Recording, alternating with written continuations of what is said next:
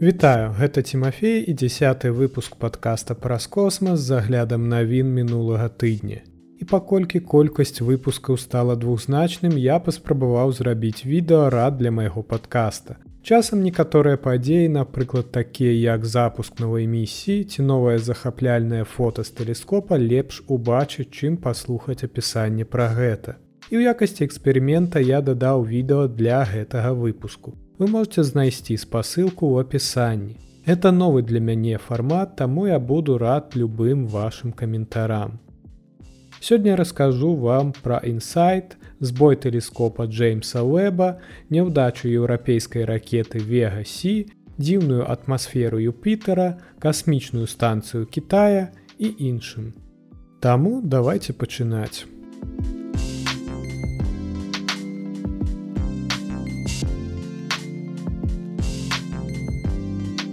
Пасадачны модуль NASA Інсайт на марсе замоўк з-за нізкага ўзроўню энергіі. Пасадачны модуль не адказаў на званок зямлі 18 снежня, але NASA ўсё яшчэ застаецца на лініі. NASA страціла сувязь са сваім пасадачным модулем Марс Інсайт у нядзелю 18 снежня. Пасля таго, як касмічны карабель не адказаў на паведамленне сваёй каманды ўпраўлення. Інсайт вывучаў землятрусы на марсе ад 2018 года пакутая ад праблем сілкаваннем за вялікай колькасці пылу на сонечных батарэях. Магутнасць пасадачнага модуля зніжалася на працягу некалькіх месяцаў, як і чакалася, напісала NASA ў панядзелак 19 снежня. Невядома, што выклікала змену энергіі, у апошні раз місія звязвалася з касмічным караблём 15 снежня 2022 года. NASA паведаміла аб страце сувязі з інсайт праз дзень пасля таго, як падзялілася тым, што стала апошняй фатаграфій з марсіянскага пасадачнага модуля. Здымак, на якім бачны марсіянскі грызон з сейсмометрам зонта, рабатызаванай рукой і іншым абсталяваннем. Спасылка на фото в апісанні. Каманда спускаемага апарата напісала ў твиттары ад імя інсайт. Мая магутнасць вельмі нізкая, так што гэта можа быць апошняй фатаграфіяй, якую я магу вам адправіць. Не хвалюйцеся пра мяне. Мой час тут быў прадуктыўным і ціхамірным. Калі я змагу звязацца з маёй камандай, то я гэта зраблю. Дзякуй, што застаецеся са мной. Наса запусціла пасадачны модуль на марс у траўні 2018 года.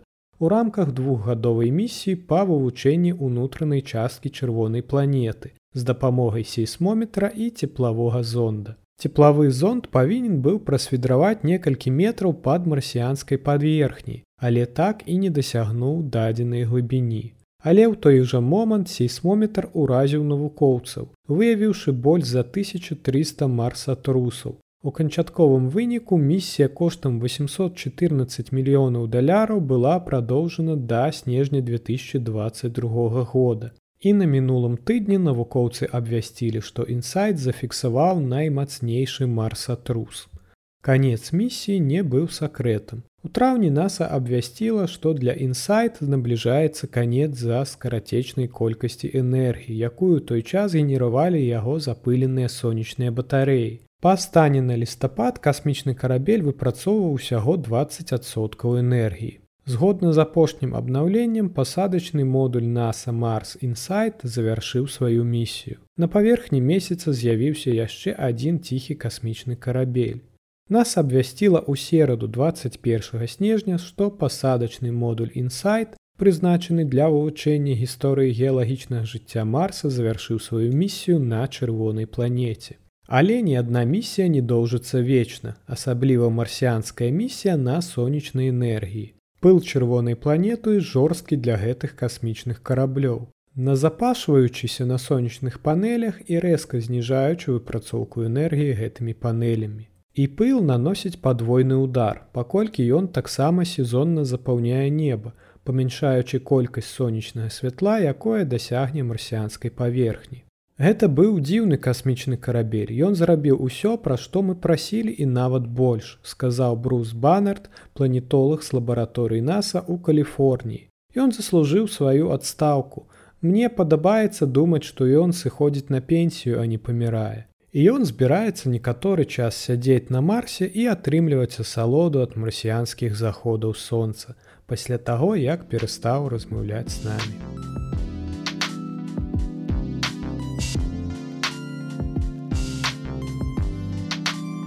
Касмічны тэлескоп Джеймса Уэба вярнуўся да навуковых аперацый пасля збою.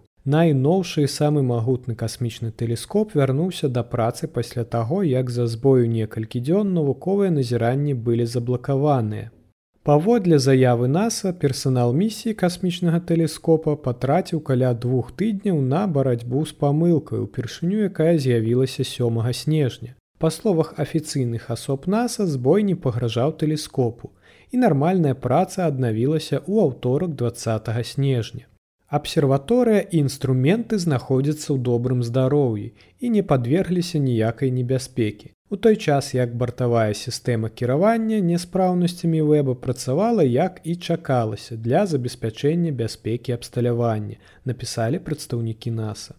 Па дадзеных NASAа праблемы пачаліся сёмага снежня, калі ў сістэме кіравання арыентацыі тэлескопа адбыўся праграмны збой. За збою тэлескоп перайшоў у бяспечны рэжым, Стан, у якім касмічны карабель адключае непатрэбныя сістэмы і замірае ў стабільнай канфігурацыі, чакаючы, пакуль інжынеры расследуюць праблему. Касмічная абсерваторыя ўваходзіла ў бяспечны рэжым некалькі разоў і выходзіла з яго на наступны дзень, вынікае з заявы NASAа. Гэтая падзея прывяла да некалькіх паўзаў у навуковых аперацыях на некалькі дзён за гэты перыяд часу, напісалі афіцыйныя асобы а назіранні, якія тэлескоп прапусціў, будуць па магчымасці перанесены. Паводле заявы гэтае пытанне зараз знаходзіцца пад кантролем пасля таго, як персанал місіі скарэкціраваў сістэму працы. Нармальная праца аднавілася ў аўторак 20 снежня, якраз своечасова, каб тэлескоп адзначыў сваю першую гадавіну ў космосе. Касмічны тэлескоп Джеймса Вэба быў запущены 25 снежня 2021 года на ракете РН5 з касмадрома куру у французскай гвіяне.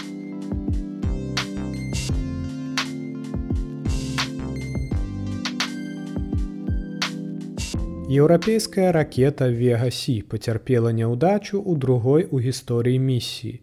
Было страчана два спадарожнікі.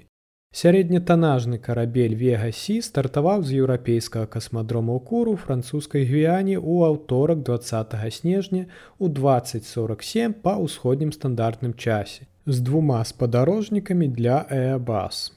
Першая прыступка ракеты, вядомая як P120C зрабіла сваю справу, а вось другі этап названы Зефіраў 40 не. Прыкладна праз 2 хвіліны 27 секунд пасля старту на Зефіру 40 адбылася анамалія, што дакладна паклала канец місіі Вегасі. Заявілі прадстаўнікі французскай кампаніі, якая кіруе Вегасі. Праводзіцца аналіз дадзеных, каб вызначыць прычыны гэтага збою. Вегасі была распрацавана еўрапейскім касмічным агенствам і эксплуатуецца Arian Space. Чатырохступенчатая ракета вышынёй 35 метраў з'яўляецца больш магутнай версіяй вега, якая ўпершыню паднялася ў паветра ў 2012 годзе. Два касмічных спадарожнікі, якія былі страчаны з-за аварыі ў аўторак плеяды Нео5 і плеяды Нео6 разам важылі 1977 кілаграмаў. Дуэт накіроўваўся на сонечна-сінхронную арбіту, дзе яны павінны былі завяршыць фармаванне сузор'я Эабас плеяды Нео для атрымання здымкаў зямлі. Група складаецца з чатырох ідэнтычных спадарожнікаў, створаных з выкарыстаннем апошніх інавацый і тэхналагічных распрацовак Эабас і дазваляе некалькі разоў у дзень рабіць здымкі любой кропкі зямнога шара з разрашэннем 30 сантыметраў. Яны могуць быць пастаўлены перад задачай пасля атрымання цэлі адправіць выявы назад на зямлю на працягу наступнай гадзіны, дадала Эрнспейс. Менш, лягчэй, манёўранней, дакладней і хутчэй, чым у канкурэнтаў. Яны з'яўляюцца першымі ў сваім класе, якія будуць цалкам даступныя на рынку. Да аўторка ў Вегасі быў адзін палёт. У ліпені 2022 года ракета паспяхова падняла ў паветра спадарожнік Ларыс-2 вагай 295 кілаграмаў, распрацаваны італьянскім касмічным агенствам, а таксама 6 спадарожнікаў кюбсату. Першапачаткова меркавалася, што місія стартуе 24 лістапада. Але Airspace затрымала яе амаль на месяц, каб замяніць няспраўнае абсталяванне на ракете. Як мяркуецца, далейшыя аналізы паспрабуюць вызначыць, ці мае неіспраўнае абсталяванне якое-небудзь дачыненне да няўдалага запуску.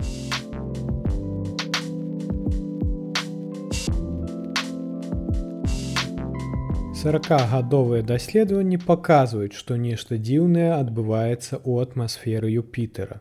40гадовыя даследаванні атмасферы Юпітера з дапамогай касмічных караблёў і наземных тэлескопаў выявілі дзіўныя ўмовы надвор'я на самай вялікай планеце сонечнай сістэмы, уключаючы гарачыя і халодныя перыяды на працягу яе доўгага года, эквівалентнага 12 зямным гадам але Юпітер не перажывае сезонных змен як зямля.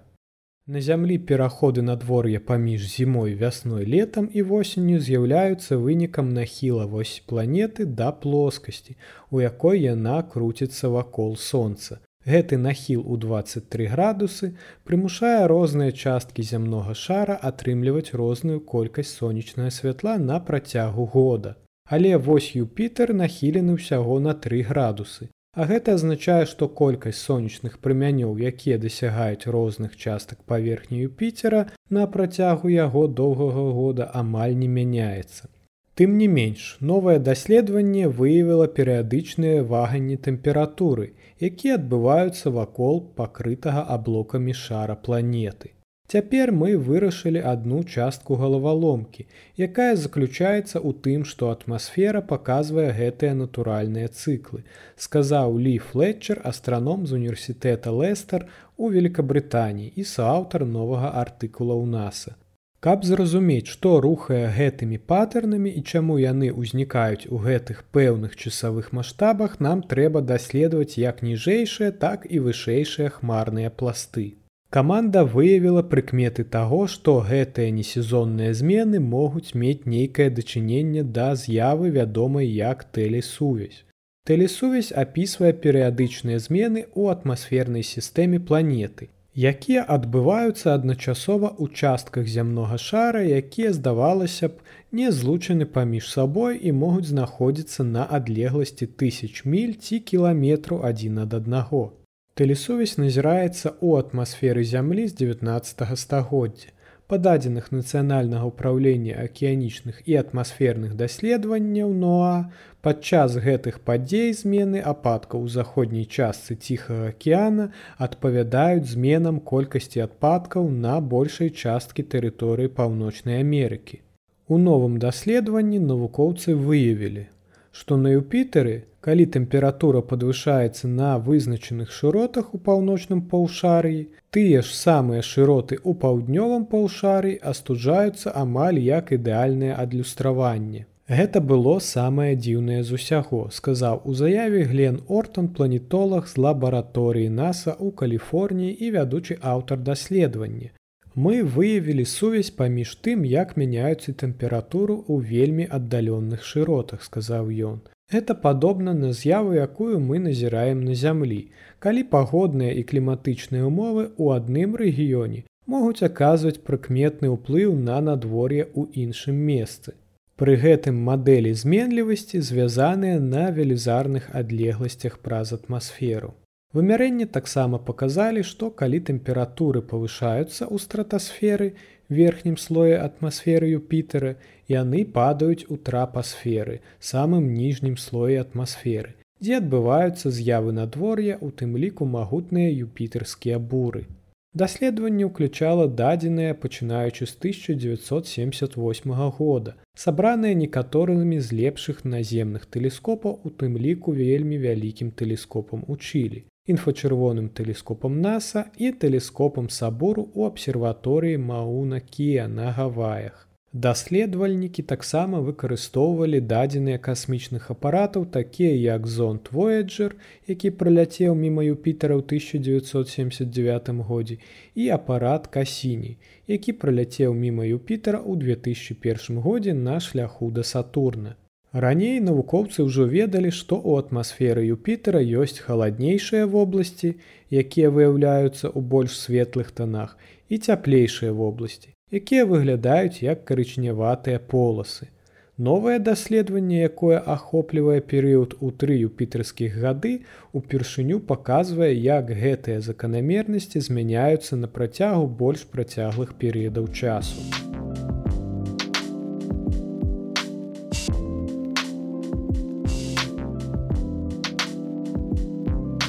SpaceX плануе пачаць запуск падарожнікаў Starlink наступнага пакалення ўжо ў гэтым месяцы.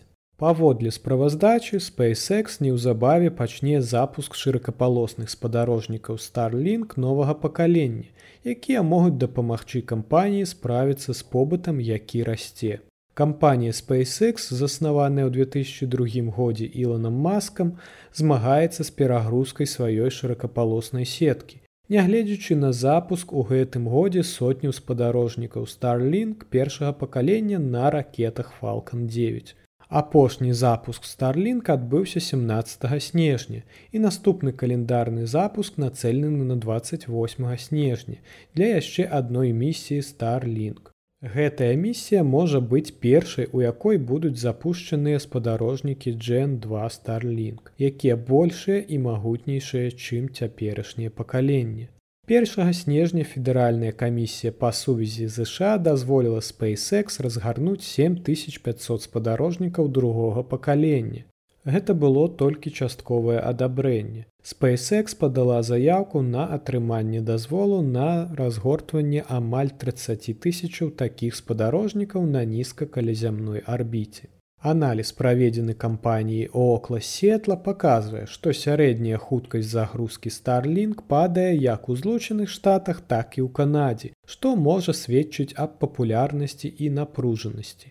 У Starlink каля 3300 дзеючых спадарожнікаў на арбіце з 3612 запущенных у цэлым. Паводле статыстыкі астранома Джонатана Макдаула, які адсочвае Starlink на сваім вэб-сайце. Па словах маска спадарожнікі Starlink Gen 2 змогуць перадаваць паслугі напрамую на смартфоны. SpaceX плануе запусціць большасць гэтых спадарожнікаў з дапамогай сваей вялізнай ракеты Starship, якая ўсё яшчэ знаходзіцца ў распрацоўцы. Але першы карабель Gen 2 Starlink відаць будзе працаваць на працоўным коніку кампаніі Falалcon 9.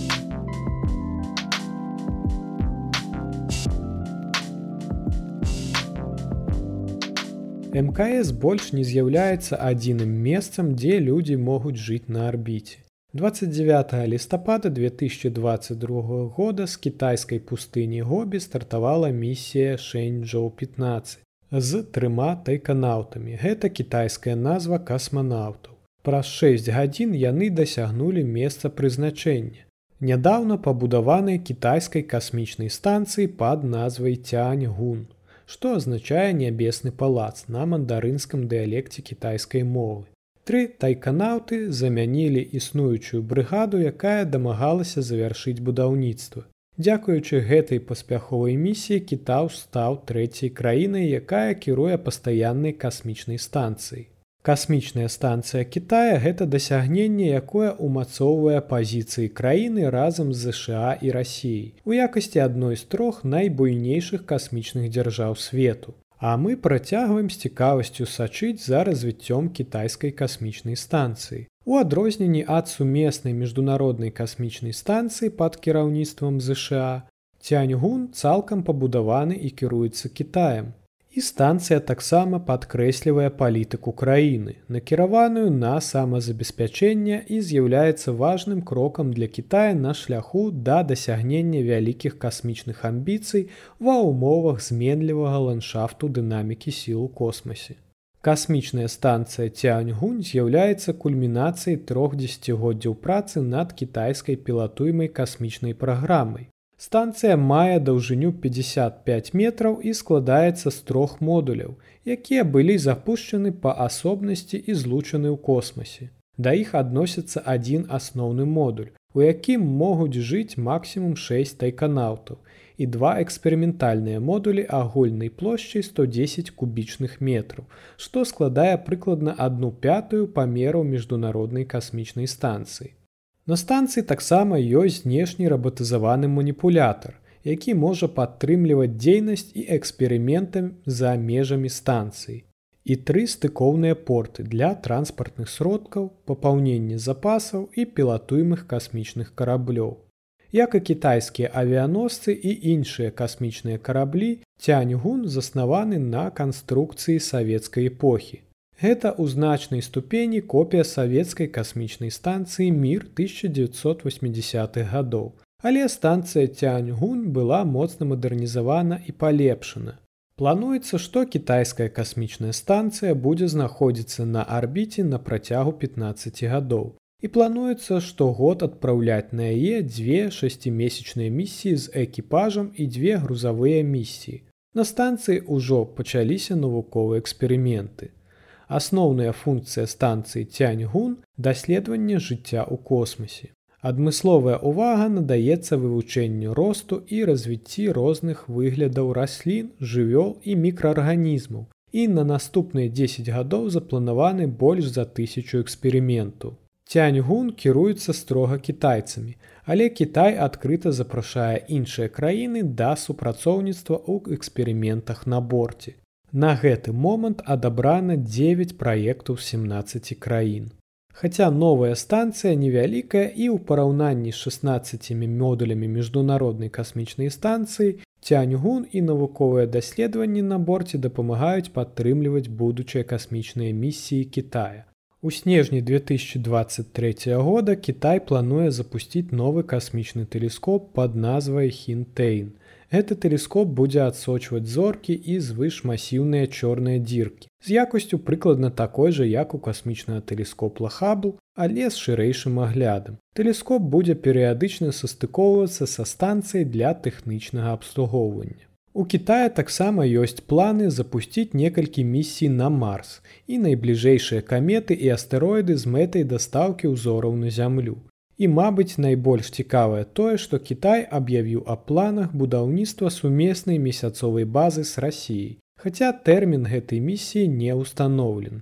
Надыходзіць новая эра ў космосе. Станцыя Цяньгун пачынае сваё жыццё гэтак жа як міжнародная касмічная станцыя, якая пасля больш за 30гадовага знаходжання на арбіце павінна быць выведзена з эксплуатацыі да 2030 года. Міжнародная касмічная станцыя з'яўляецца класічным прыкладам ідэалаў супрацоўніцтва ў космосе.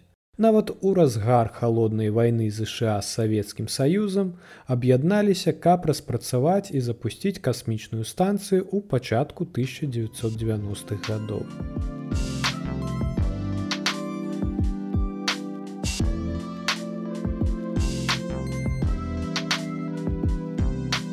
Дзірка ў расійскім касмічным караблі саюз не была зроблена метэарытам геменіт. Але тое, што гэта было сутыкненне з іншым малюсенькім касмічным аб'ектам усё яшчэ магчыма. На момант запісу падкаста 23 снежня так і незразумела, чаму ў расійскім касмічным караблі саюз на міжнароднай касмічнай станцыі адбылася ўцечка на мінулым тыдні. Саюз, вядомы як МС22, распыліў астужальную вадкасць у космас 14 снежня. У той жа дзень, калі адбыўся пік штогадовага метэорнага потоку геменіды. Але прычынна-следчай сувязі няма, заявілі NASAа і расійскія касмічныя чыноўнікі. Мы назіралі за метэорнымі потокамі, якія адбываліся сказаў Джоэл Мантальбана, кіраўнік NASAа па міжнароднай касмічнай станцыі падчас брыфінгу для прэсы ў чацвер 22 снежня. І каманда па вызначэнні траекторыі ў Х'юстане і група па ацэнцы траекторый у Маскве пацвердзілі, што гэта не метэарытны дождж. NASAа дапамагае расійскаму федэральнаму касмічнаму агенству Роскосмас у расследаванні ўцечкі і не толькі таму, што абодва агенства з'яўляюцца буйнымі партнёрамі мкс. Гэты саюз даставіў астранаўта NASAа Фрэнка Рубія і двух касманаўтаў у арбітальную лабараторыю ў верасні, а ў сакавіку плануецца вяртанне ўсяго трыла на зямлю. У нядзелю 18 снежня NASAа выкарыстоўвала камеры робата-маніпулятара для агляду месца меркаванай уцечкі. У ходзе абследавання было выяўлена невялікая дзірка ў МС22, якая відаць і з'яўляецца крыніцай уцечкі. Але яе паходжанне застаецца загадкай, гаворыцца ў заяве. Нам трэба папрацаваць з выявамі, каб лепш зразумець, ці было гэта падзенне метэарыта або ўзнікла апаратная праблема, сказаў прадстаўнік NASAа. Выключаныя зараз гібеніды гэта ўсяго толькі адзін з патэнцыйных шкоднікаў. Магчыма, напрыклад, што кавалак касмічнага смецця прабіў корпус МС22. Любы аб'ект здольны прарабіць такую малюсенькую дзірку, шырыня якой складае прыкладна 0,8 мм, занадта малы, каб яго можна было адсачыць з зямлі. Часткай расследавання з'яўляецца ацэнка лётнай магчымасці МС22. Роскосмасу яшчэ трэба будзе завяршыць цеплавыя аналізы, каб вызначыць. Наколькі горача будзе ўнутры саюзу падчас вяртання на зямлю, каб паглядзець, ці зможа ён бяспечна даставіць трох касманаўтаў дадому. Пакуль незразумела, калі такая праца будзе праведзена. Хаця расійскія касмічныя чыноўнікі раней казалі, што рашэнне можа быць прынятае да канца месяца. Калі Роскосмас вырашыць, што размяшчэнне касманаўту на МС22 занадта вялікая рызыка, агенцтва будзе імкнуцца паскорыць запуск наступнага карабля Саюз. Гэты апарат павінен быў стартаваць у сярэдзіне сакавіка з расійскага касмадрома Байканур у Казахстане з трымя людзьмі на борце. Па словах Мэнтальбана, паскарэнне мяркуе запуск яго без экіпажа на некалькі тыдняў раней, магчыма, у канцы лютага. У гэтым выпадку МС22 ўсё роўна вернецца на зямлю, але без пасажыраў.